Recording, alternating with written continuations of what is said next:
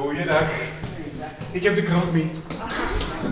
Is dat tegen de deur? Alsjeblieft. Hallo, ik ben Wim Oosterlink. Welkom bij de podcast Drie Boeken, waarin ik boekenliefhebbers vraag naar de drie boeken die wij volgens hen moeten gelezen hebben. Mijn gast in deze aflevering is Mia Doornaert, geboren in 1945 en journaliste. Ze werkte een groot deel van haar carrière als experte internationale zaken voor de krant De Standaard, waar ze vijf jaar correspondente in Parijs voor was en later het Verre Oosten versloeg. Nog later werd ze adviseur en speechschrijver voor Yves Le Terme. Nu schrijft ze columns en wordt haar mening vaak gevraagd in duidingsprogramma's. Ze is ook voorzitter van Literatuur Vlaanderen, het voormalige Vlaams Fonds voor de Letteren. Er was omwille van haar conservatieve profiel heel veel opschudding en protest toen haar naam bekendgemaakt werd. Haar man, journalist Rick van Mol, stierf in 2005. Ze hebben geen kinderen. Mia Doornaert woont in Brussel, in Elsene, waar ik haar ging opzoeken. Toen ik aanbelde, stak de standaard tussen de spijlen van de deur, dus ik nam de krant mee naar boven.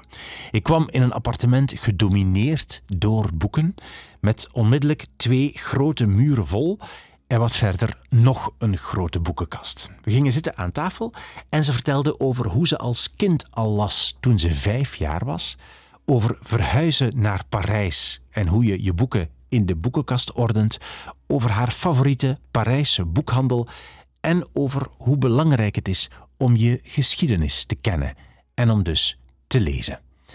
Alle info over de drie boeken en over de andere boeken en auteurs die we noemen in deze aflevering vind je op de website wimoosterlink.be. Ga even kijken naar de show notes bij deze aflevering onder het kopje podcast drie boeken. En dan nu veel luisterplezier met de drie boeken die je moet gelezen hebben, volgens Mia Doornaert. We zitten hier uh, naar een boekenkast, dus aan één kant van mijn living. Het is eigenlijk de eetkamer, maar ook daar is dan één wand helemaal bekleed met boekenkasten. En waar u binnengekomen bent, is dan een dubbele wand uh, bekleed met boekenkasten. En daar dus om met die tweede te beginnen, daar staan aan de ene kant staat literatuur en die is alfabetisch gerangschikt. Dat wil zeggen volgens de schrijvers, ongeacht de vertalingen, want daar staan oh, Gabriel um, Garcia Marquez, we hebben Franse vertalingen en Engelse ook. Dus dat is helemaal alfabetisch. Maar, maar ook heel mooi met, met lichtjes. Het is echt een prachtige boekenkast. dat dank ik aan een uh, Slovaakse timmerman die er voor mij een paar dingen gedaan heeft. Kubo. Hij heet zo niet, maar hij is altijd zo uh, geheten. En Kubo was een fan van zo ledlichtjes overal zetten. En die heeft dan uh, ja, die bibliotheek zo wat overkapt en dus daar ledlichtjes in gestoken en het is wel mooi. nu, de kast die u achter mij ziet is tegelijk kast en boekenkast en ik zag Kubo daar ook naar kijken en ik zei nee Kubo, daar niet. Geen ledlichtjes. Ja, nee, maar dat, ik kan daar ook een kap over zetten en ik zei nee, die kast zou dat niet verdragen, want zo kan u zien, daar staan wat kunstwerkjes uh, op uh, langsboven en dus, uh, maar inderdaad... Je, je, was bang dat ze, dat ze ging, allez, ging maar, Nee, maar dan zouden ze niet meer tot hun recht komen, want die, die ledlichtjes zitten zo in een speciaal uh, ja, overkassing eigenlijk die je daar plaatst. Dus ik, ik zag hem begeerig kijken, maar dat is dan tegengehouden. Maar daar is dat echt wel heel leuk van uh, die lichtjes daar te hebben. En wat staat er in de kast dan achter, achter ons? In het verlengde van de literaire kast begint het dan met de boeken over geschiedenis. Mijn man en ik allee, lazen allebei heel veel voor, omdat je kan de huidige wereld niet begrijpen als je niet weet waar hij vandaan komt. Dat is geen cliché, dat is zo. Oh, en dan gaan dat de discussies over hoe je dat rangschikt, want daar ga je niet alfabetisch. Dus um, de Habsburgers, oké, okay, Midden-Europa, oké, okay. uh, Verenigde Staten of Amerikaans continent, heb je de Amerikaans-Japanse betrekkingen of de Europese koloniale ondernemingen en al dat soort. Dus hoe zet je dat dan? Ja, en dat waren dan tamelijk lange discussies om het te ordenen. En ik herinner mij toen we naar Parijs verhuisd waren, ik ben daar vijf jaar correspondent geweest, lag daar op een enorme tafel, lagen daar enorme stapels boeken en mijn man was over het ultieme systeem aan het nadenken. En dat schoot maar niet op.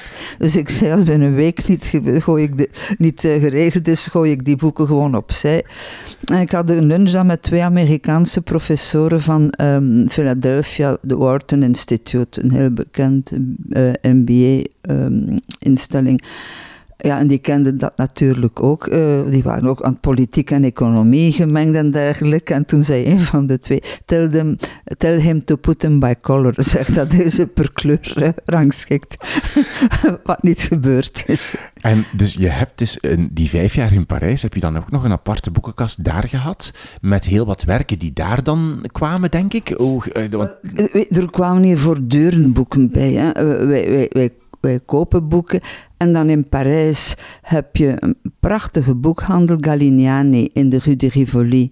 En dat is de eerste Engelstalige boekwinkel op het continent. En die is heel mooi, zo'n oude boekwinkel met grote houten kasten. En bovendien hebben die, die hebben mengeling Engels en Frans. En als wij daar voorbij kwamen, wij gingen daar altijd binnen. En wij kwamen altijd met zakken boeken buiten. Ja, zeker als je dan in Parijs woont en ik was daar correspondent, leer je nog meer, eh, lees je nog meer over Frankrijk. En vlak naast Galignani is Angelina.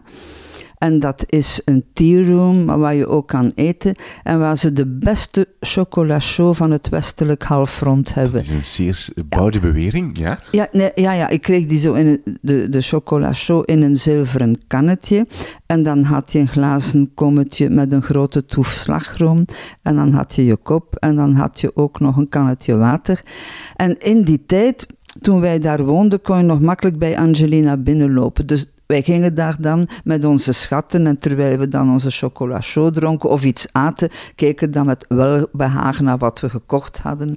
Maar ooit is dat adres is in een Japanse toeristische gids voor de betere toeristen gekomen, blijkbaar. En ineens stonden daar dan geduldig Japannertjes aan te schuiven om daar binnen te gaan. Met het grootste geduld oosters geduld van de wereld. Maar dat was de bedoeling niet. Um, nee. Maar er zijn altijd boeken binnengekomen. En we, hadden allebei zo die belangstelling om onze geschiedenis te kennen. En mijn man was enorm gefascineerd door Middel-Europa. hij las ook al die schrijvers, um, uh, uh, De man zonder eigenschappen en al die dingen. En dus we hebben heel veel staan over de Habsburgers en ook over hoe werkte dat rijk. En dan ook over het feit, hij zei dan als je dat bekijkt, de mensen konden daar van de Balkan tot in Lemberg, Lviv, Vov, uh, dat nu in Oekraïne ligt, zonder paspoort, zonder om het even wat reizen. En bijvoorbeeld, je hebt ook uh, van Joseph Rood die prachtige boeken, de Radetzky Mars, de Capucijnen, uh, crypte. En komt ook ergens in dat die man die gepofte kastanjes verkocht, dat hij met zijn karretje overal naartoe kon. En dan na het uiteenvallen van dat rijk, na de Eerste Wereldoorlog, had je overal visa voor nodig en, en uh, paspoorten. Ja, goed, dat is allemaal Europa, dat is allemaal waar wij vandaan komen. Mm, en ja, we hebben altijd allebei heel veel over gelezen. Ja, ja. Ik denk dat, dat we meteen naar jouw eerste boek moeten gaan. Je hebt drie boeken gekozen die we moeten gelezen hebben. Ja, Wat is jouw eerste boek? Wel, iets dat waarschijnlijk veel te weinig mensen zullen kennen. Dat is van Modris Eckstein. Dat is een Est die naar de Verenigde Staten is uh, uitgeweken, of zijn familie. Een professor geschiedenis. En dat is Lenterieten. Het is vertaald, is in het Engels verschenen. Uh, Spring Rides. En dat verwijst naar de Sacre du Printemps. Beroemde muziek van Stravinsky. En dan het ophefmakende ballet van Nijinsky op die muziek. En um, dat is de Eerste Wereldoorlog en het ontstaan van de nieuwe tijd. En als je dat leest, de aanloop naar de Eerste Wereldoorlog en die Eerste Wereldoorlog, dan beseffen wij hier veel te weinig hoezeer onze wereld daar nog altijd door geconditioneerd is. En waar hij over schrijft, en dat is heel belangrijk, dat is de sfeer daarvoor Voor de Eerste Wereldoorlog. Ja, dan is daar een periode inderdaad van Europa kent vrede, kent vrede, kent nog jaren vrede. En dan krijg je zo'n periode van enorme culturele bloei. Uh, Parijs wordt zo uh, de lichtstad, um, men noemt het de Belle Époque. Um, het boek zegt hier ook, naast Venetië is er alleen Parijs dat zo'n betovering heeft uitgeoefend en blijft um, uitoefenen. En dan komen daar kunstenaars uit de hele wereld. Maar als je dat dan leest, is een tijd zo van bruisende ontdekking. Het is een tijd van ook waarin, zoals hij schrijft, de kunst eigenlijk enorm beïnvloed wordt door de periferie. Geografische periferie. Wacht, hè, de kunst beïnvloed door de En gemaakt door wordt door mensen ja. uit de periferie. Ja, rand, okay. Maar wat is de periferie? Dat is uh, geografisch. Ineens heb je daar Duitsers, Russen, Polen die daar komen. Allee, buiten, helemaal buiten Parijse Franse periferie, Amerikanen, enfin, iedereen kwam daar, maar ook een uh, sociale periferie. De invloed bijvoorbeeld um, van mensen die zich bezighouden van de homoseksualiteit, de aandacht voor het zinnelijke, voor het spontane, voor het wat men nog niet het onderbewuste noemde. Dus dat kwam niet meer allemaal uit die klassieke kunst. En hij beschrijft die wereld, hij beschrijft hoe bruisend die is en dan um, merkt hij tegelijk op, en dat beseffen wij te weinig, dus Europa beleefde een tijd van vrede, wat namelijk uitzonderlijk was op dit continent. Maar het was tegelijk namelijk gewelddadig. Daar ging geen jaar voorbij zonder dat er een koning, een keizer, een eerste minister werd doodgeschoten. Uh, in Frankrijk, in Italië, in Servië, overal. Dus het was een, een tijd ook van heel veel sociale um, uh, opstanden, voor betere uh, arbeidsvoorwaarden voor de, de werkers. Maar dan was er ook, beschrijft hij, en dat komt ook in een ander boek dat heel goed is, Europe Last Summer.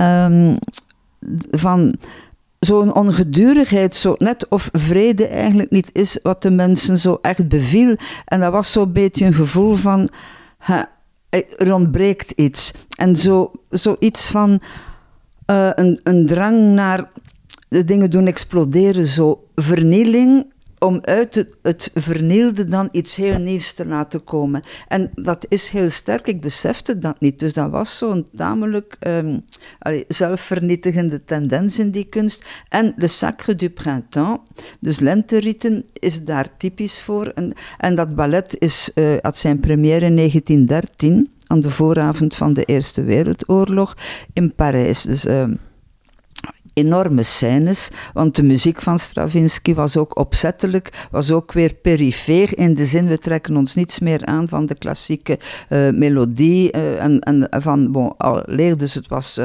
syncopisch, het was tamelijk heel weinig melodieën.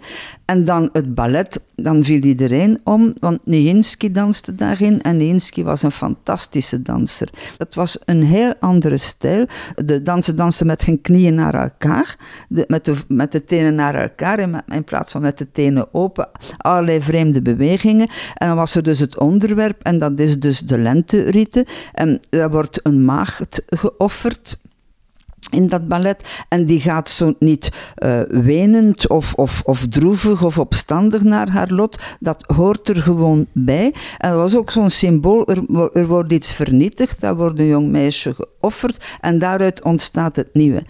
En dat is een sfeer die helpt verklaren waarom in godsnaam in Europa, dat op zoveel gebieden in volle ontwikkeling was, dat na die Eerste Wereldoorlog is uitgebroken, waarin Europa, dat dan eigenlijk de wereld domineerde, is begonnen met zichzelf te vernietigen. Uh, iemand wordt daar geciteerd die zegt van dan af is Europa in een rolstoel terechtgekomen. Nou, dat is overdreven, maar vergeleken met zijn vroegere dominerende rol. En weet je, als ik dat boek lees, u zal zeggen, wat heeft dat er nu mee te maken? Wel, die sfeer van vrede is vrede, allemaal goed en wel, maar blijkbaar vinden de mensen dan dat het niet spannend genoeg is of zo. Het is zo'n beetje een vreemde trend.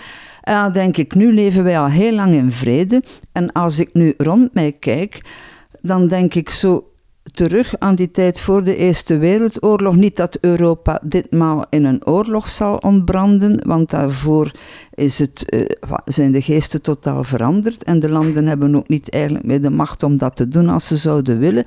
Maar op een andere manier zie ik een zelfvernietiging. Bijvoorbeeld nu, als iemand mij nog over de Europese Unie spreekt, dan zeg ik het interesseert mij niet, want ze gaat nergens heen. Er is geen, er, is geen elan, er is geen geloof. Uh, en men men verwaarloost alles wat ooit een culturele eenheid van Europa heeft uitgemaakt. Het Latijn als taal van de geleerden van Bologna en Leuven en de Sorbonne en Krakau. Um, de kennis van de geschiedenis en ook het besef van door welke grote beschavingen Europa uh, doordrenkt is, dus van de Grieken, de Romeinen, dat is geen fabeltje, dat, dat, dat is aanwijsbaar. Hmm. En vandaar is, was hier ook zo die kortzichtigheid en die ahistorische kijk, bijvoorbeeld op inwijking uit landen met een heel andere traditie en beschaving, die gemakzucht van hier en dat gebrek aan kennis van oh, laat ze maar komen, het zal wel loslopen, want iedereen wil hetzelfde. Zo die een, een, mengeling van naïviteit en arrogantie, van laat maar komen, het loopt wel los. Nee, dat liep niet los. Omdat als je niet de moeite doet om je in de islam te verdiepen, bijvoorbeeld, dan besef je niet dat dat een heel andere leer is, een heel andere traditie dan het christendom. En dat is een vaststelling. En dan als de integratie stokt, dan denk ik het is ook de schuld van de ontvangende landen, wegens hun gebrek aan kennis van en belangstelling voor andere culturen. En die naïeve of arrogante idee, heel de wereld wil wat wij willen. Nee. En dat merken we nu toch, dat er allerlei andere belangen en opvattingen en ambities spelen. En dan zegt men, ah, Poetin is geen democraat. Ja, als je een beetje de Russische geschiedenis kent, als mensen dan zeggen, ha, en hoe is dat mogelijk dat die verkozen wordt? Dit is het zachtste regime dat de Russen ooit gekend hebben. Ja, het is corrupt, maar het is altijd corrupt geweest. Maar vergeleken met de Stalinistische, met de tsaristische politiestaat, met de Stalinistische staat, met het communisme, ja, is dit het zachtste regime wat ze ooit gekend hebben? Wie zijn wij dan om te zeggen van, oh, ik versta dat niet, dat ze voor die man stemmen. Ja, zij verstaan ook veel dingen hier niet. Hè? Mm -hmm, ja. Um, Jij was, je zei het al, je bent journaliste geweest voor de Standaard in Parijs, correspondenten in Parijs, ja. voor, Frank, voor Frank. Je, hebt ook um, um, China, Verre Oosten uh, gedaan, als, als ja. uh, gespecialiseerd daarin. Hè? Toen ik daarvan terugkwam, zei Peter van der Meer, zou iemand willen die meer over China schrijft? Niet economisch, dat hebben we, maar allee, het opkomen van China als geopolitieke machtsfactor. En dan merk je opnieuw hoe verschillend die wereld is. Hè? En dan merk je bijvoorbeeld Waarom zijn de Fransen bijvoorbeeld zo gehecht aan hun land, zo trots op hun land? Na China is dat de tweede permanente staatsvorm van de wereld. Al duizend jaar bestaat er iets wat Frankrijk heet. En dat land heeft dan ook nog een schitterende beschaving ontwikkeld. Hè. Nu, als je dan in China bent, dan merk je China is nog veel ouder. Voor de Chinezen, China is China is China is China. China bestaat sinds altijd. Dat was dat heel belangrijk. Ik weet dat ik eens bij de burgemeester van Peking was, dankzij een bezoek van Herman de Croo, die toen Kamervoorzitter was. En die zegt daar zo tussen neus en lippen over urbanistische hervormingen. En voor een van die hervormingen hadden ze een wet moeten afschaffen die 1700 jaar oud was. Het zegt wel, zoiets zegt wel iets. Hè? Dan heb je niet veel uitleg meer nodig waarom de Chinezen. Het communisme is er geweest, ja, dat is een episode geweest, maar China is eeuwig. Wat er ook gebeurt, China blijft bestaan. Verlang je daarnaar, naar, zo, naar een Europa dat zo een, een krachtige cultuur heeft en zo'n soort lang... bedoel, er bestaat een Europese cultuur. Um, ik noem dat een cultureel alfabet. Bijvoorbeeld als ik in Azië ben, ik ben in, in Myanmar geweest en zo, en ik hoef van mijn leven geen gouden boeddha's en gouden vergoede pagoda's meer te zien. Um, maar als ik dan die boeddha's zie en die dan aan hun tenen en handen edelstenen hebben, kan ik echt niet zien of dat kunst of kitsch is. en voor die mensen is de vraag niet, dat is hun kunst. Maar in Europa, daar is een alfabet dat wie nog een beetje onderwijs heeft gekregen, herkent. Je herkent een gotische kathedraal, je herkent een Romaans kerkje, je herkent een rococo-paleis. Uh, dus je voelt je daarin thuis. Uh, je ziet de beelden, je ziet de schilderijen, die gaan over de Bijbel, over de, de, uh, heel veel over de evangeliën, die gaan over de geschiedenis, over koningen, al die, die kunstwerken. En nog eens, ik heb nog een goede humaniora gehad, dus je herkent dat wel. En wat je erover leest, kan je allemaal vasthaken aan de dingen die je meegekregen hebt. Dus dat bestaat wel. Maar Europa als natie bestaat niet. Er is geen Europees volk. Er zijn Fransen, er zijn Duitsers. En dat is zoiets wat ik haat. Bijvoorbeeld bij onze liberalen. Elke keer als ik zo daar iemand lees en het gaat over identiteit, natievorming. Altijd, en de geschiedenis leert ons, en dat is dan Auschwitz. En ik denk, de geschiedenis, beginnen ze hier met lenterieten te lezen en beginnen ze de Europese geschiedenis, tenminste al op het eind van de 19e eeuw en de aanloop naar de 20e. En bon, die verschrikkelijke Shoah, dat is de pathologie van één Europees land geweest. Dat is niet het automatische gevolg van het zich bekennen tot een gemeenschap mensen kunnen niet anders dan in gemeenschap leven. Mensen zijn geen particule elementair van Welbeck. Uh, we hebben allemaal nood aan een gemeenschap in verschillende kringen. Bij mij is dat ook zo. Mijn familie, mijn ruimere familie, het feit dat ik Vlaming ben, dat ik Belg ben, dat ik Europeaan ben. En naar gelang je reist, uh, als je bijvoorbeeld in Europa reist, dan merk je onmiddellijk het verschil tussen een Italiaan en een Zweed of dergelijke. Nou, ik weet dat ik eens in India was en na drie weken moest mijn vliegtuig terugnemen en ik zat in Bombay te wachten op mijn vliegtuig. En niet ver van de luchthaven is een restaurant waar je kon eten en waar ze ook de vluchten aankondigden. Dus ik zit daar alleen en naast mij zit er een man die een zweet blijkt te zijn en die vraagt of ik van Lufthansa ben. Ik zei nee, waarom? Ja, omdat de ploegen van Lufthansa hier ook van komen eten. Ik was toen veel jonger. En hij zei, zou je het leuk vinden om samen te eten? Nu, het was alsof ik thuis kwam hè, bij een zweet. Ik was met een Europeaan en ik kon weer mezelf zijn. Ik moest niet denken aan de codes, uh, want die waren er. Dus om, uh, om maar te zeggen, je, hebt, je identificeert je in verschillende kringen. Hoe kleiner je omgeving, hoe kleiner je kring waarmee je meest identificeert. En hoe ruimer, toen ik in Frankrijk woonde, en ik houd van Frankrijk, en de levenswijze van de Fransen en de Belgen ligt heel dicht bij elkaar. De aperitief drinken, de manier waarop je je geld besteedt, eh, al dat soort dingen. Maar dan moest ik mij daar ook toch aanpassen aan de Fransen, omdat het Frankrijk is. Uh, en dus dat bestaat overal en je mag dat niet ontkennen, want dan ontken je een diepe werkelijkheid dat de mensen zich ontwikkeld hebben in clans. Ja, de, de, de, de jagers, uh, plukkers, die moesten ook in groep zijn. Alleen in het uh, woud ging het niet lang uh, trekken. En dus dat is een evidentie en vandaar er bestaat een Europese cultuur. Maar er is geen Europese natie. Oké, goed. Jouw eerste boek, um, Modris Eksteins, Eksteins, Eksteins, met lenterieten. En de ondertitel van het boek is, ik ga het even, even pakken, hè, De Eerste Wereldoorlog en het ontstaan van de nieuwe tijd.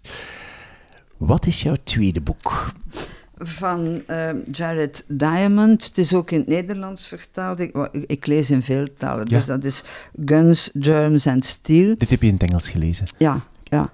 Uh, ik denk dat het vertaald is als paarden, zwaarden en ziektekiemen, wat een goede vertaling is. Mm -hmm. En dat is indrukwekkend van kruisbestuiving van allerlei takken van de wetenschap. Het dateren van zaadjes die men vindt ergens in oude ruïnes om te zien wanneer men is begonnen met het uh, kweken van betere, niet, niet gewoon mee plukken wat er was, maar beginnen dus, dus, te werken op, op de ontwikkeling van betere zaden en dergelijke. Het is fascinerend. Daar heb ik dus ook heel veel uit geleerd. Hoe men langzaam het belang van het sedentair wordt, dus het belang van de landbouw. Heel belangrijk.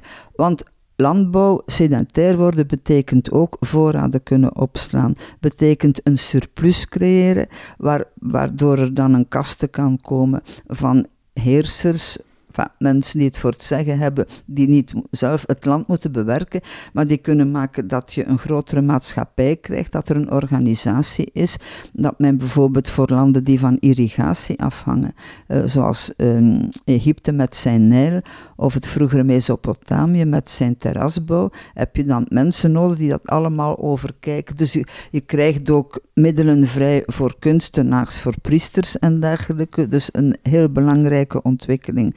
En dan schrijft Hariri ergens dat daarmee de rotter is ingekomen, dat de jagers, plukkers dicht bij de natuur leefden. Ja, goed, maar zo zou ik niet willen leven. Ik ben de landbouwers dankbaar die gezorgd hebben voor een maatschappij met al het comfort dat we rond ons hebben. Um, dus, dus heel uh, boeiend om dat te zien en hoe vindingrijk de mensen geweest zijn om gewassen te verbeteren, altijd maar. En waaraan, hangt het, uh, waaraan ligt het dan dat sommige gebieden veel sneller vooruit gegaan zijn dan andere? Bijvoorbeeld ook omdat daar meer proteïnerijk voedsel was. Heel belangrijk. Mhm. Dan, hoe komt het dat die vooruitgang zich verspreidt? Wel, enorm belangrijk voor Eurasië, is dat wij op een as liggen die van oost naar west gaat. En dus uit allerlei vondsten en allerlei nieuwe metingen die ik u bespaar, is dus gebleken dat in Mesopotamië, twee stromenland, hè, dus daar is zeer vroeg een ontwikkeling van landbouw tot stand gekomen en die verrijkte granen die meer uh, opbrengst hadden, vruchten die groter gemaakt werden, want nergens in de natuur groeiden de aardbeien of perziken of andere dingen die wij nu hebben, die hebben zich van oost naar west verplaatst en dat kon omdat dat min of meer dezelfde klimaatgordels waren. Maar schrijft hij, neem Noord-Amerika op zijn as van noord naar zuid. U hebt daar granen ontwikkeld die tegen de lente, maart hun kopje boven steken. Ja, maar zo'n graantje daar in Noord-Amerika steekt zijn kopje boven en daar is sneeuw en ijs.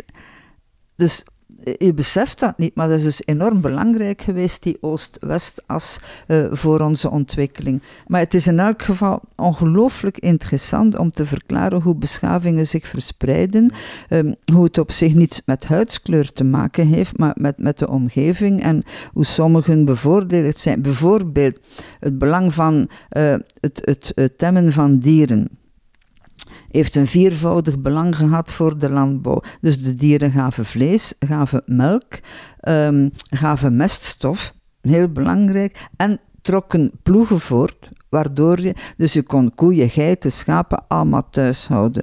We gaan naar Afrika met zijn heel vruchtbare gronden ook, maar met beesten die niet te temmen zijn. Ik, ja, ik heb daar nooit bij stilgestaan. Je kan een kudde koeien hebben en een kudde schaapjes, maar je kan geen kudde antilopen hebben die je allee, bijhoudt.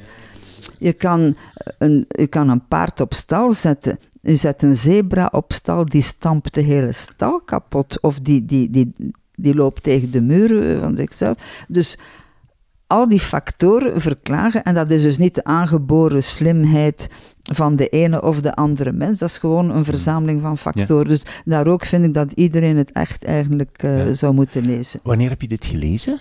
Ik heb dat gelezen toen het uitkwam en dat is 1999. En zijn er mensen die jouw boeken aanraden? Dat je zegt van deze, dit, komt van die persoon of ik lees het in de krant? Soms wel, omdat ik, ja, ik, ik ken mensen die ook boeken lezen. en ik lees ook, en ja, ja, het zal u verbazen. Maar, en ja, ik lees ook internationaal en ik lees dan bijvoorbeeld de Financial Times, zo'n boekenpagina, die hebben heel goede opiniepagina's. Of ik hoor het hier. En, ehm, en dat, ja, en ik, ik, als ik aan een boekenwinkel voorbij kom, dan ga ik daarin kijken. Wat, Brussel is dan niet zo rijk bediend aan internationale boekhandels, maar ik kom ook wel eens in Parijs, dan ga ik altijd bij Galignani en kom ik altijd met boeken buiten. niet veranderd. nee. Zeg, um, uh, las je veel als kind? Ja. Vertel eens, hoe ging dat? Altijd. Ik, uh, weet je, ik kon lezen, ik denk toen ik een jaar of vijf was. Um, ik had een oudere broer, een jaar ouder, dus die ging naar het eerste studiejaar. En ik denk dat ik spelenderwijs mee heb leren lezen, want ik herinner mij nog altijd dat boekje van Bim de Beer en Jim de Aap en Tromp de Olifant. En dus ik ging naar het eerste studiejaar En na twee weken kwam de zuster, uh, was een meisjesschool, zeggen van, oh nee mevrouw Doornhout, u moet dat kind naar het tweede studiejaar laten gaan, want ze kent al alles. En ze zit de hele tijd te babbelen, surprise, surprise. Maar, en die zuster, Ook niks veranderd. en die zuster zei, ja, zij kan zich dat veroorloven, maar de kindjes rond haar niet. Nu, ik ben geboren in 31 december, dus ik ben dan administratief van 1945, maar tussen iemand van 1 januari 1945 ligt een vol jaar, maakt een verschil. Dus mijn ouders zeggen, ze is al zo jong en de jongste van de klas um, te doen. Die zuster komt na twee weken terug en zegt: Kijk, dit heeft gewoon geen zin. Ze verveelt zich, laat daar doorgaan. En vindt u dat, ze, dat er iets niet voor de maturiteit kan ze later een zevende studiejaar doen of een maturiteitsjaar. Dus kwam ik op vijf en half in het tweede studiejaar en op tien jaar en een half in de humaniora en op zestien jaar en een half in Leuven aan de universiteit. En ik heb altijd gelezen, gelezen. Dus was, eh, ik moet graag gelezen hebben, vermits ik zo blijkbaar geboeid was door het boekje, de boekjes van mijn broertje, dat ik dat ook allemaal begon te lezen. En sindsdien heb ik altijd gelezen. En heeft, dat heeft dat je hebt daar geen last van gehad om zo vroeg bijvoorbeeld naar de universiteit te gaan of zo vroeg naar de humaniora te gaan? Well, ik leerde eigenlijk heel gemakkelijk en ik had een ijzeren geheugen. Het is nog altijd niet slecht. En het nadeel was dat ik nooit heb leren werken. Maar ik kwam er wel altijd door, dus ik ben dan door de humaniora geschaatst en dan, um, ja, en dan door mijn jaren klassieke filologie in Leuven en nog met een kandidatuur Oosterse talen erbij, hieroglyphen. Um, ik heb altijd graag gelezen en sindsdien ik speelde ook graag. Ik had twee broers en ik zat er net tussenin. En bij tussen, de oudste en de jongste was maar 2,5 jaar verschil. Dus wij zijn opgegroeid zo als drie puppies in een nest. Um, maar ja, ik las altijd. Nu stonden bij mij thuisboeken. Mijn moeder las ook graag. En, um, ja, en ik heb ik ben beginnen lezen en ik ben nooit meer gestopt. Ja, ja. Maar het werd wel gestimuleerd, dus het lezen was wel echt heel erg aanwezig in huis. Hè? Het lezen was aanwezig, muziek was aanwezig. Mijn moeder speelde heel goed piano. Um, haar lievelingscomponist was Schubert. En ik weet nog dat ze toen wij nog klein waren, maar dan zong ze de Erlkönig voor ons, zo, met die dramatische accenten. En dan, weer gaat het zo spät door nacht und wind. Es ist ein vater met zijn kind. Wat niet moeilijk te verstaan is voor Vlaamse kinderen ook. Hè. En dan speelde zij, dan lagen wij boven in onze bedjes en liet ze de deur van beneden naar boven alle deuren openstaan en dan hoorden wij haar spelen. En in mijn kinderlijke fantasie waren dat zo precies gouden bellen van zeebellen met klanken die naar boven gevlogen kwamen. En nog altijd um, was zo, wij hadden toen een grote kamer met drie kinderbedjes in. En nog altijd is klaviermuziek, brengt dat zo die sfeer terug van totale geborgenheid. Je ligt veilig in je bedje, je ouders zijn dat je weet dat die er morgen ook nog zullen zijn. Je staat er niet bij, bij stil dat het niet anders zou kunnen. En dan zo die pianomuziek brengt zo nog altijd ja, echt dat gevoel van ja, nog eens totale geborgenheid. schoon, ja. ja. Houd je bij wat je gelezen hebt? Houd, heb je een lijst, een bestand met wat je allemaal gelezen hebt? Nee.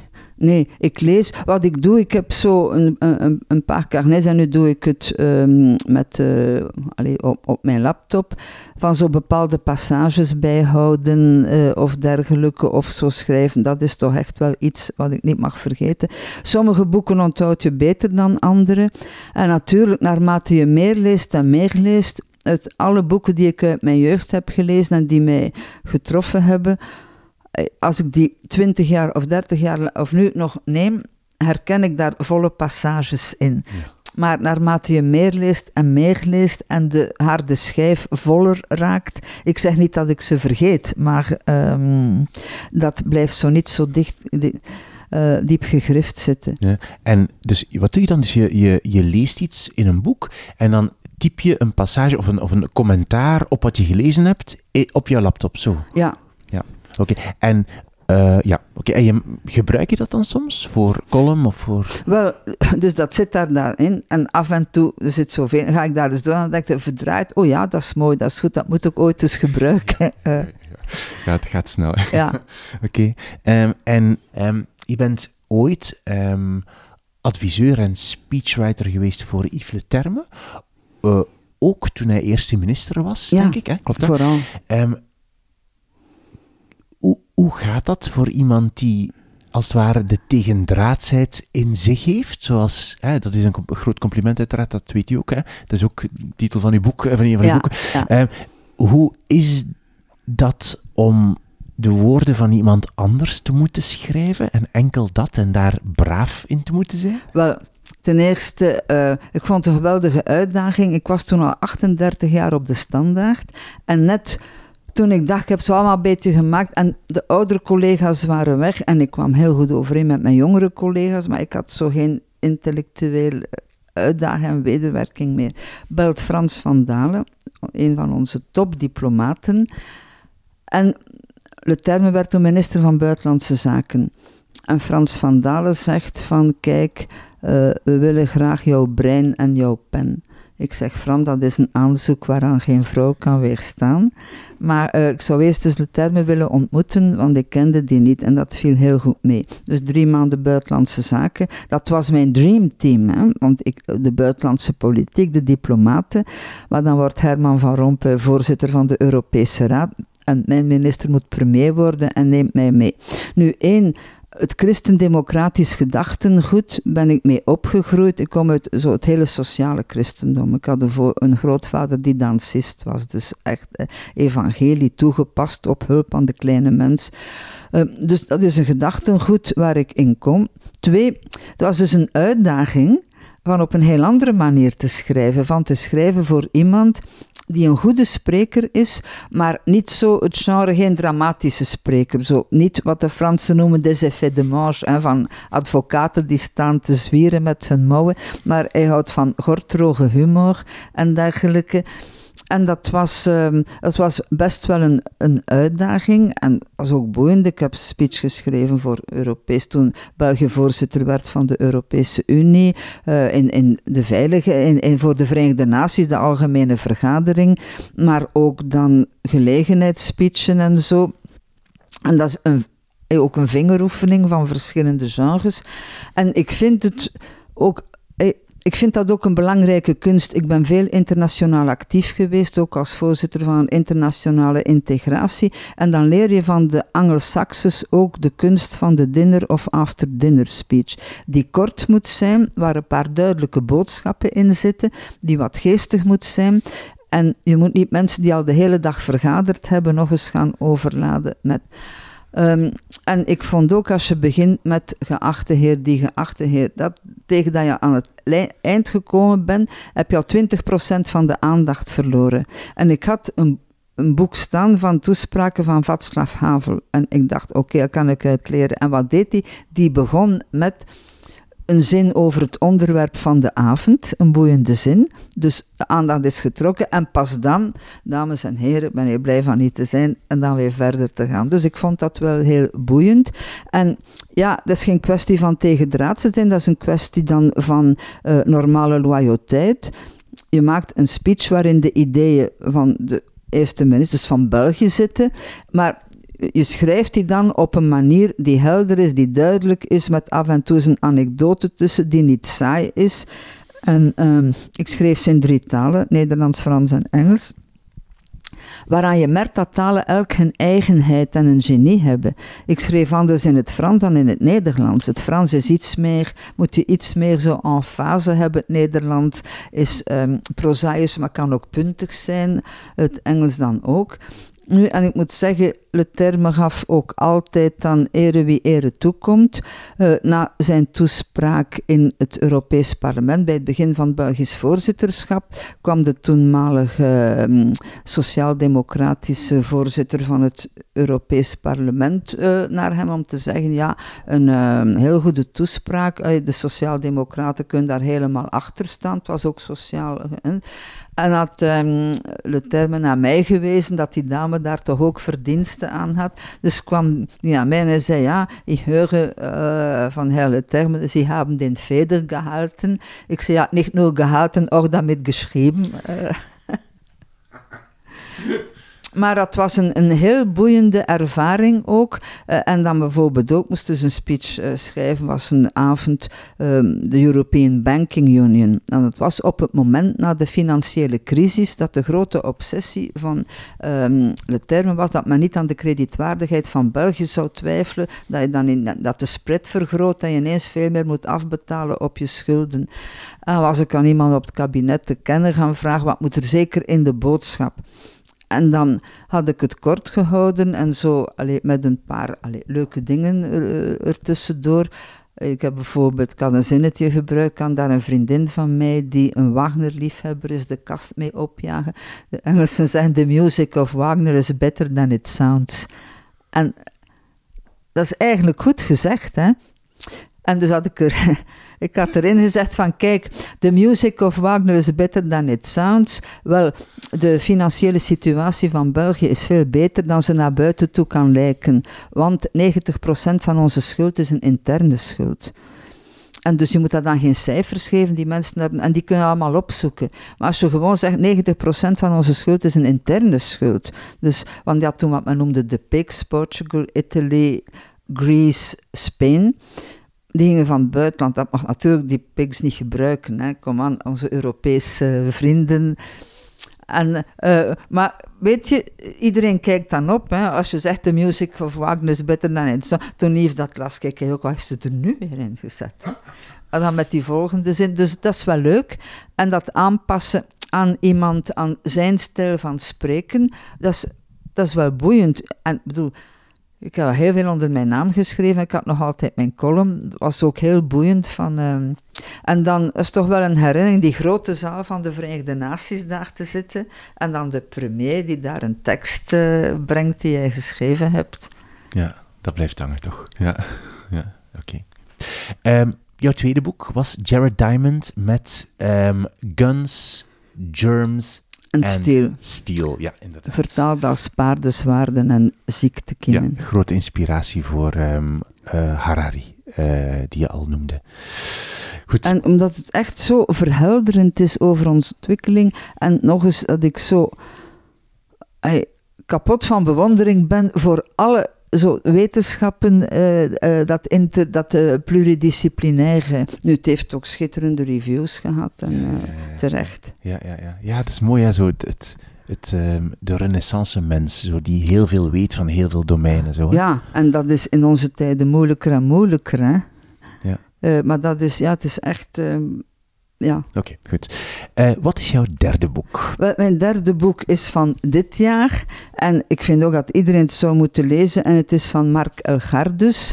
En ik heb er echt van genoten, omdat hij, um, zoveel zinnige dingen schrijft bedoel, dat hij ingaat eerst, tegen... Eerst de titel. Even, het heet Reset. Reset, ja. ja. zeg maar, en in onze tijden waarin men, god, misschien ook met de sociale media, zoveel met kreten, niet meer discussieert, maar kreten lanceert, um, en met Pavlov-reflexen. Je hebt triggerwoorden, je zegt een bepaald woord, ah, je bent een Vlaamse belanger, of je bent een dit of een fascist of zo.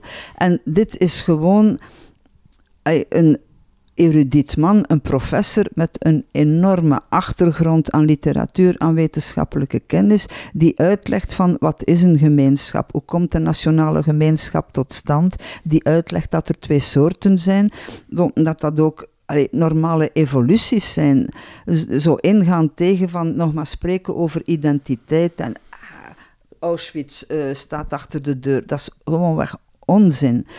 En dat, het is zo deugddoend voor, voor mij bijvoorbeeld ook. Ik heb veel gelezen, maar er zijn een aantal dingen waarvan ik wel denk, zo is het. Maar waar ik dan, dankzij professor Elgard dus allerlei argumenten krijg die dat staven of die dat tegenspreken.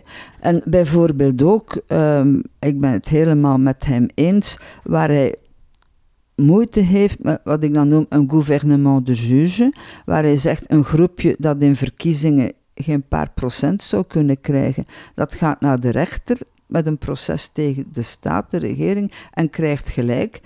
Ik vind, ik vind dat ook niet kunnen. En um, zo die activistische rechters. Um,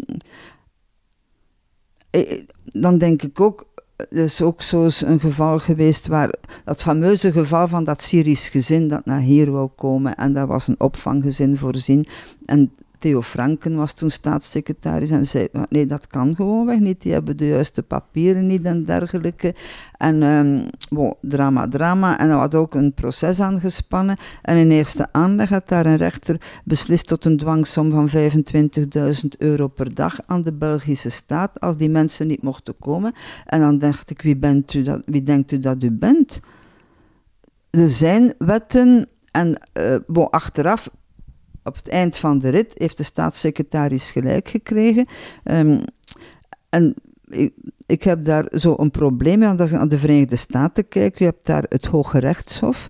En dat, dat zijn activistische rechters die in de jaren 60 en 70 de grondwet eigenlijk enorm hebben uitgerokken. Daar zijn ook juridische argumenten om te zeggen, moet, um, is abortus een grondwettelijk recht of niet?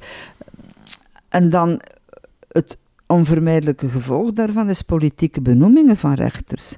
Als je op rechters rekent om de grondwet uiteindelijk uh, te interpreteren mhm. en dan aan de politiek te zeggen hoe het moet, dan is het onvermijdelijk gevolg politieke benoemingen. En dat zie je wel elke keer als er een nieuwe rechter moet benoemd worden in het Hoge Rechtshof.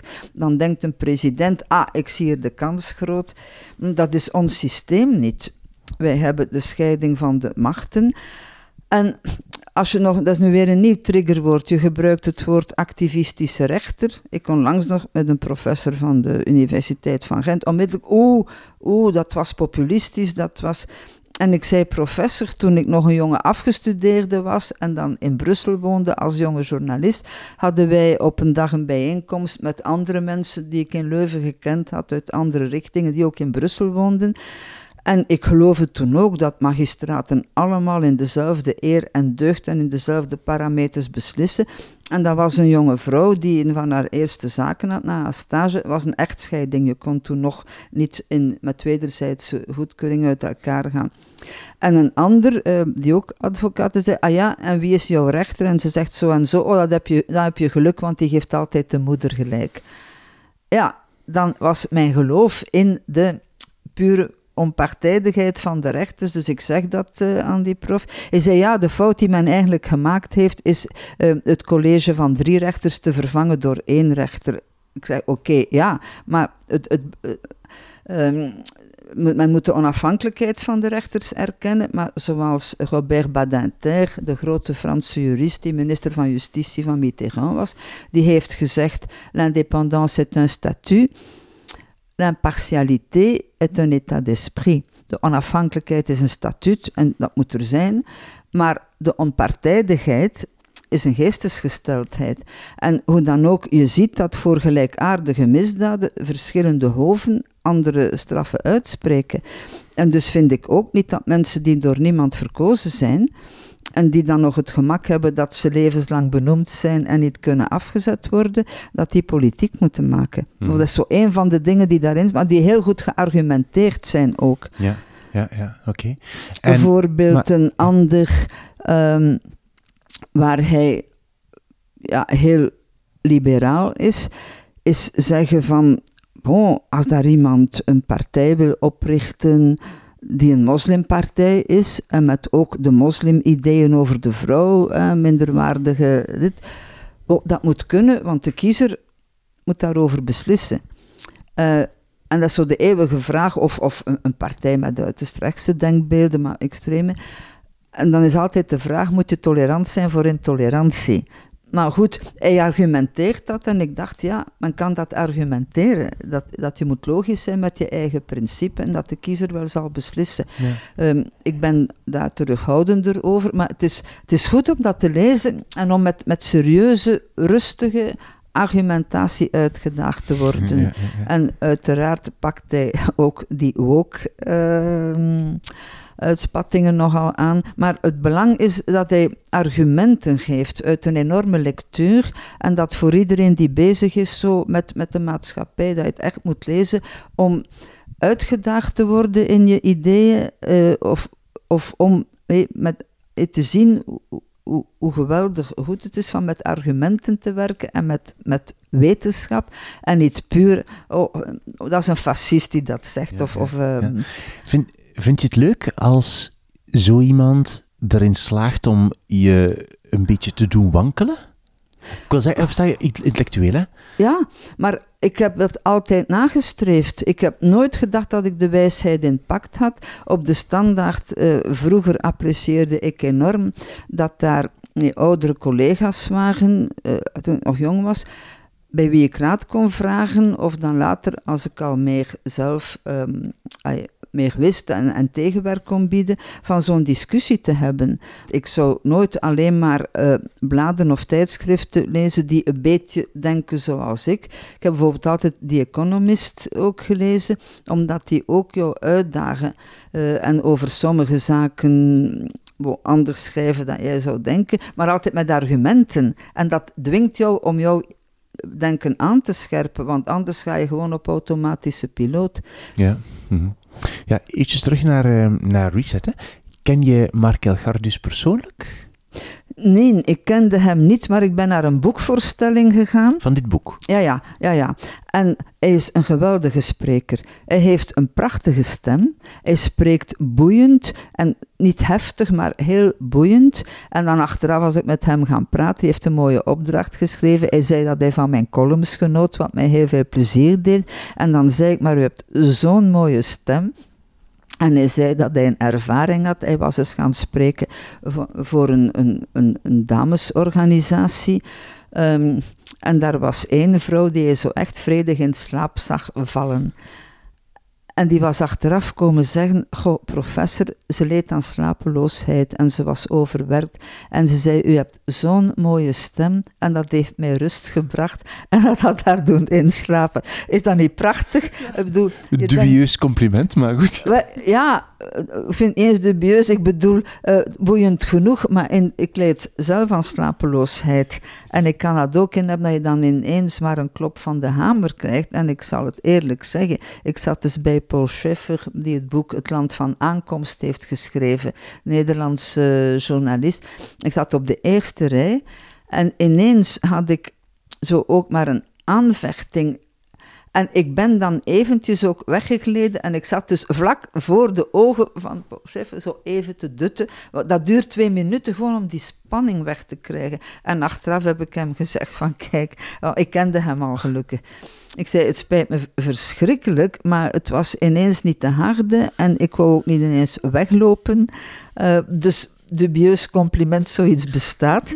En uiteindelijk had Mark Elgaar dus die ene dame dan toch voldoende rust gebracht om eindelijk zijn weldoend slaapje te kunnen uh, Maar het is een heel sympathieke man, dus ook zero dikke nek, um, heel beminnelijk. En zijn boek is echt een, een, een absolute aanrader. Ja, Oké, Reset van uh, Mark Elgardus.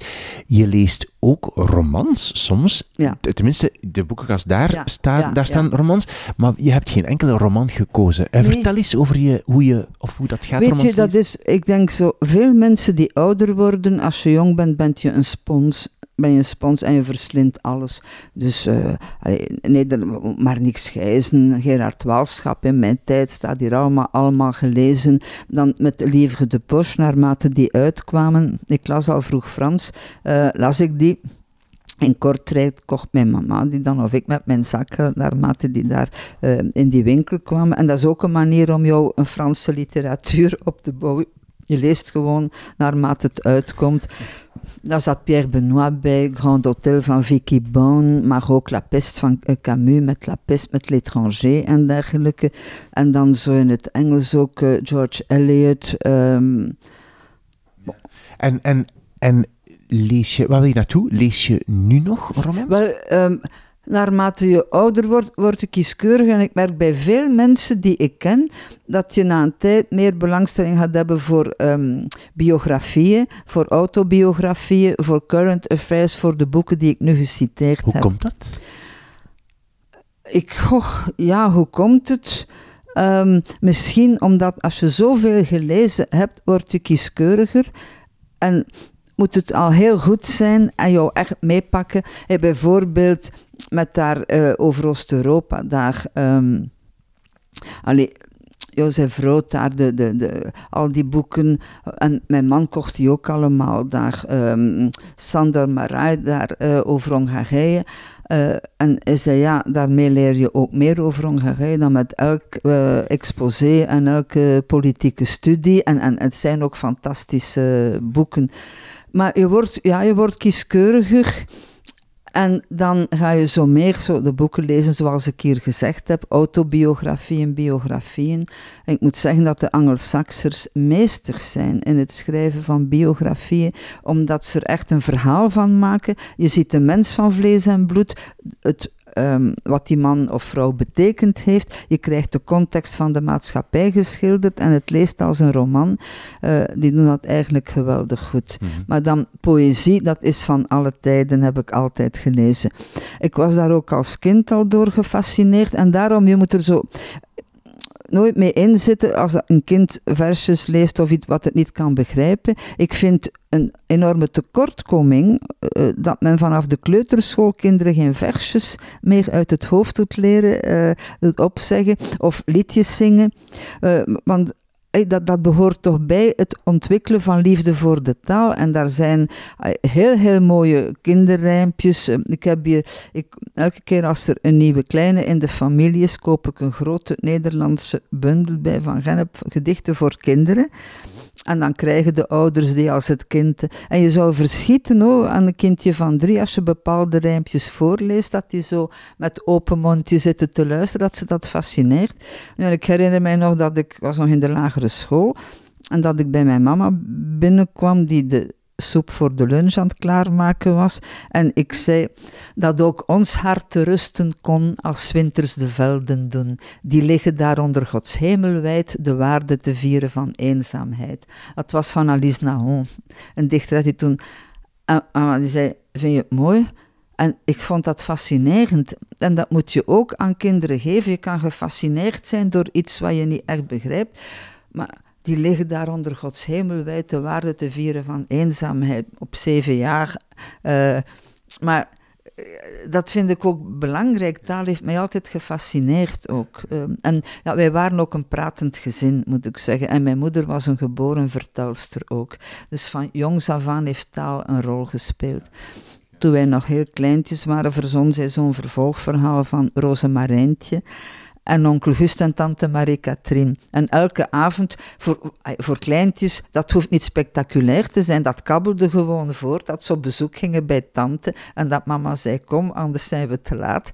En ik, ik zie ons zoals drie vogeltjes met opengesperde bekjes, die zitten te wachten tot de moeder- en vadervogel daar iets in komen brengen. Dat kan ook meegespeeld hebben. Ja, ja.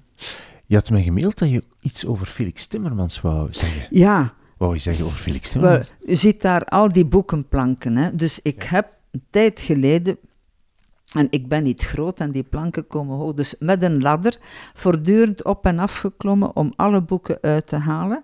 Al de planken is goed af te wassen. Uh, en ondertussen ook te kijken wat moet er hier blijven staan, want het werd, was heel vol aan het worden. En dus, uh, en dan telkens weer naar boven geklommen om de boeken er weer in te zetten.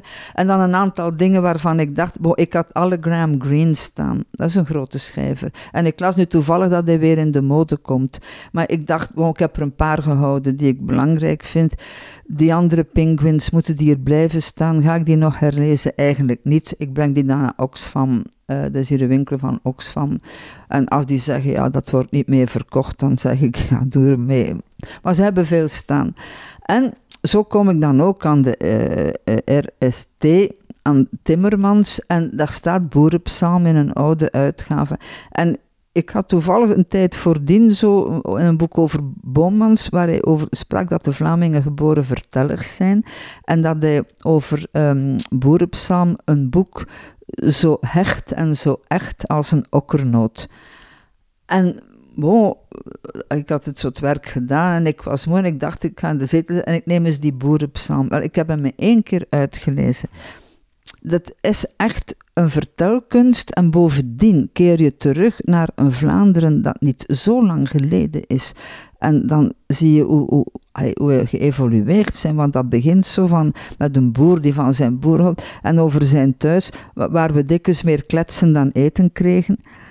Maar het en dan dacht ik, ja, dat is eigenlijk fan, fantastisch geschreven. Moet je ook nog eens teruglezen eigenlijk, om, om, om te zien waar we vandaan komen, om dankbaar te zijn voor wat we nu hebben. En ook zo een pure vertelkunst. Ja. Felix Timmermans, Boerenpsalm, geweldig. Mooi. Maar wat, wat, ik, kan niet, ik kan niet stoppen met naar uw, uw boekenkast te kijken, zo'n mooie boekenkast. Um, wacht, ik heb nog een vraag. Ah, die is hier op maat gemaakt, hier. Ja, op de twee muren. En ik had een obsessie van, er mag geen centimeter verloren gaan. En die mensen die dat gebouwd hebben, die hebben kasten gebouwd voor de administratie. Dus bij de zijplanken zitten metalen... Um, gaatjes en, en, om de planken te kunnen hoger en lager zetten. Ja, ja. ja, hebben zo metalen lopertjes gezet om de planken. Want dat was bij mijn man ook, als wij zo op tv een interview met een schrijver zagen of een professor, dan zie je boekenplanken. En Rick zei altijd, maar bij die mensen zijn al die boeken even groot en die passen allemaal in die planken. En hier, ja, je hebt er dan... Maar dus we wouden geen plaats verliezen. Oké, okay, ehm, wil jij jouw drie boeken nog eens herhalen, alsjeblieft? Wat was jouw eerste boek? Eerste boek is Lenteritten van Modris Ecksteins. Dat is een naar Amerika uitgeweken est. Ja. De twee? Het uh, tweede is Guns, Germs and Steel van Jared Diamond. En drie? Het derde is Reset over identiteit, gemeenschap en democratie van Mark Elgardus. Ja. Uh, wat, ben, wat ben je nu aan het lezen? Wat ben ik nu aan het lezen? Wel, Hier ligt een boek van, uh, van om u niets te, Donna Leon. Ja, om u niets te versteken, zoals Willy Klaas pracht te zeggen. Ik zal u niet versteken, dat. Uh, ik lees ook heel graag detectives. Dus ik heb alle Agatha Christie's, ik heb alle, alle Maigres van Simenov, ik heb er veel. Nu, ik weet niet, kent u Donna Leon? Ja. En ze is een Amerikaanse die al heel lang in Venetië woont. Ze schrijft heel goede politieverhalen. Dus haar hoofdfiguur is commissario Brunetti, die getrouwd is dan met een Paula die professor letterkunde is.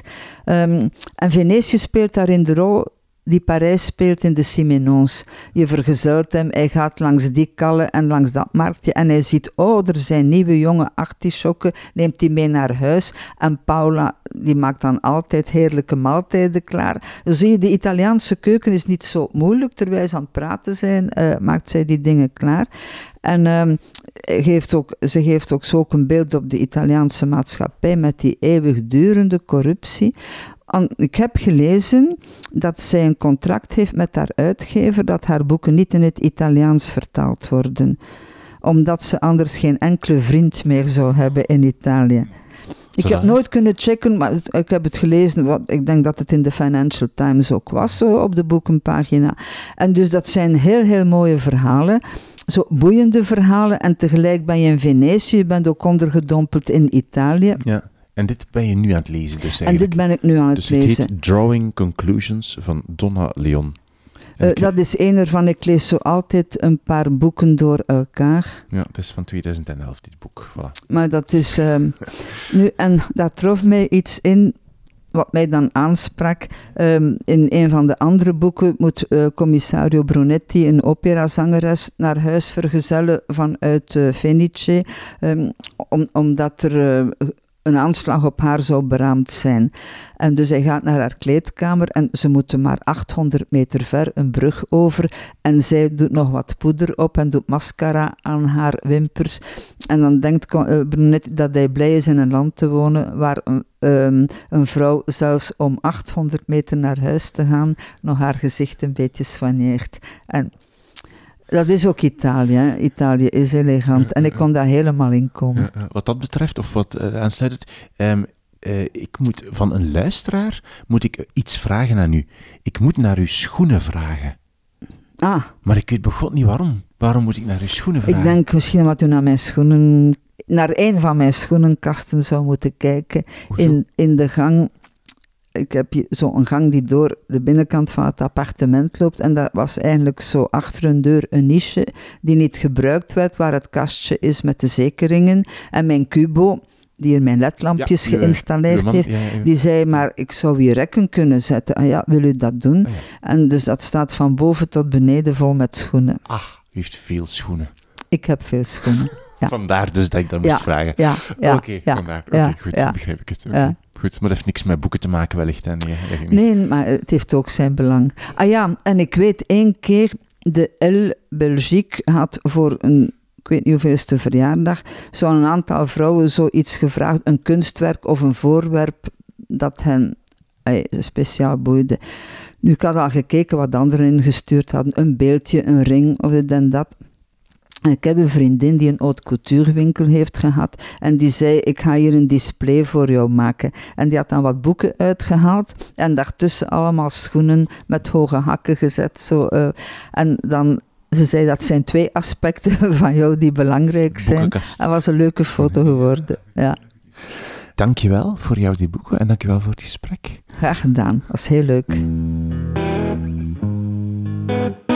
Dit was mijn gesprek met Mia Doornaert. Bij het weggaan zag ik nog een oude Remington schrijfmachine die op een tafeltje tegen een van haar boekenkasten stond. Een oude schrijfmachine van haar vader, zei ze. Mia Doornaert staat erop dat we de drie boeken die ze aangeraden heeft ook echt lezen. Dus begin er maar aan, zou ik zeggen. Ik zeg nog even vlug dat je de titels en de auteurs allemaal vindt op de website wimoosterlink.be. Onder het kopje podcast drie boeken staan de show notes bij deze aflevering en ook bij alle andere afleveringen van deze podcast. Doe mij een plezier en laat vandaag of morgen aan twee vrienden of vriendinnen weten dat ze ook eens naar deze podcast moeten luisteren. Dat helpt om het boekenvirus verder te verspreiden. Ik ben Wim Oosterlink. Dit is de podcast Drie Boeken. Dankjewel voor het luisteren en tot de volgende keer.